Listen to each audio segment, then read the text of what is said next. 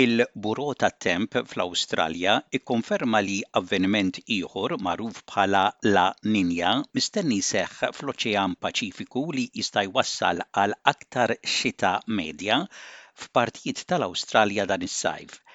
Imma x'inhuwa l-anemja u għaliex huwa importanti?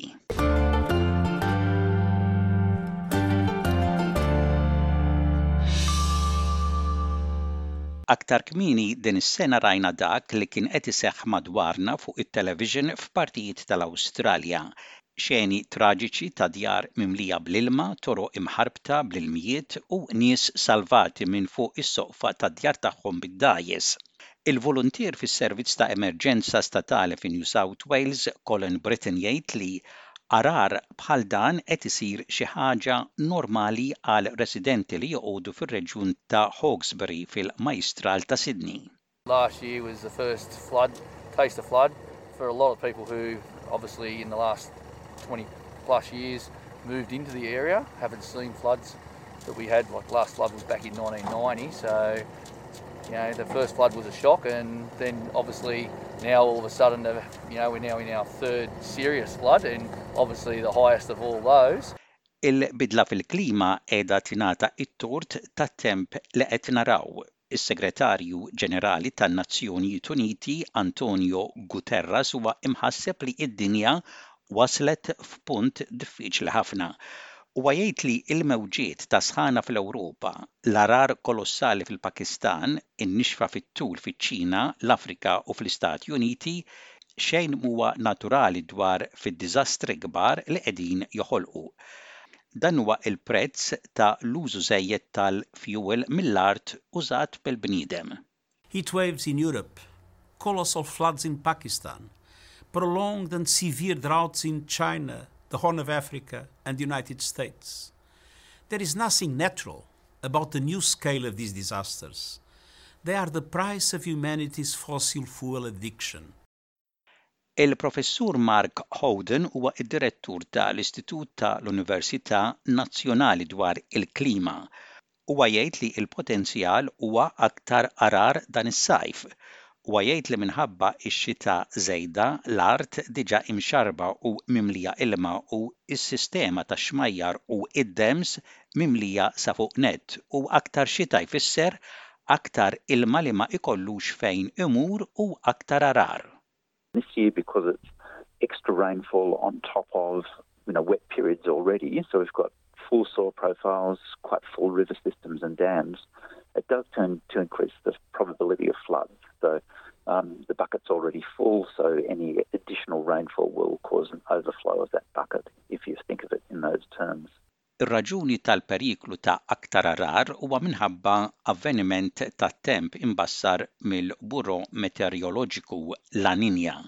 Dan ifisser essenzjalment aktar xita għall-Lvant u n-Nofsinhar tal-pajjiż u ħafna xita għall-bqija tar-rebbiegħa u anke fis-sajf. Dottor Andrew Watkins li jbassar it-temp fit-tul mill-Bureau Meteoroloġiku jgħid li La Niña huwa avveniment meta naraw temperaturi normali fl-Oċean Paċifiku tropikali u dawn il-bidliet fit-temperaturi ta' l-oċean jikkaġunaw bidliet fit-temp mad-dinja kollha. Għall-Awstralja dan ifisser li jkollna aktar kundizzjonijiet ta' temp bix-xita aktar minn normali speċjalment fir-rebbiegħa u fis-sajf. A La Nina event is when we see cooler than normal temperatures in the tropical Pacific Ocean, and these changes in the temperatures of the ocean cause changes in the weather patterns right around the globe. For Australia, that typically means that we get wetter than normal conditions across much of eastern Australia, particularly in the spring and early summer. Il-Professur Howden jgħid li la niña, bl-Ispanjol it-tarbija tifla, jista' jkun ikkunsidrat bħala l-oppost tal-fażi aktar sħuna u bnixfa tat-temp magħrufa bħala El Niño, it-tarbija tifel.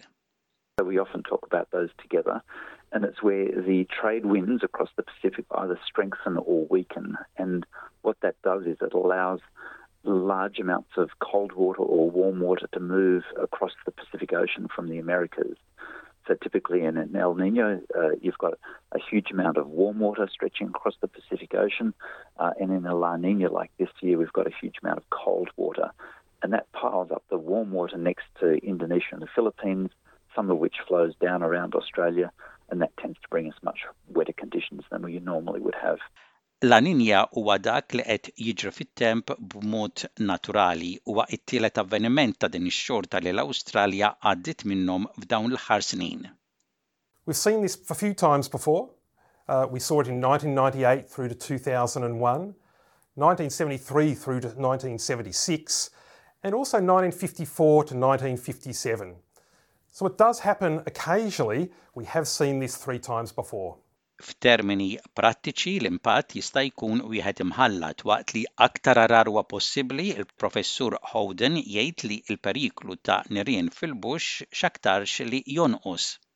Because we're getting more rain or you know likely to get more rainfall than average, the fire risk is reduced but not removed, is likely to reduce the risk of big forest fires like we saw back in the Black Summer, but at the same time, because of increased grass growth, we actually may see an increased risk of grass fires. Huwa impossibbli li tgħid eżatt x'ser jiġri waqt li La Niña jerġa' jaffettwa l-Awstralja, imma x-xjentist tal-klima fl-Università ta' New South Wales Angus Santoso jgħid li l-pajjiż jista' faċilment jgħaddi jew minn xita qalila jew minn nixfa kbira fil-futur. Global warming can intensify the El Nino and La Nina cycle and increasing the occurrences of extreme La Nina and El Nino events. So El Nino is the opposite of La Nina, it brings drought.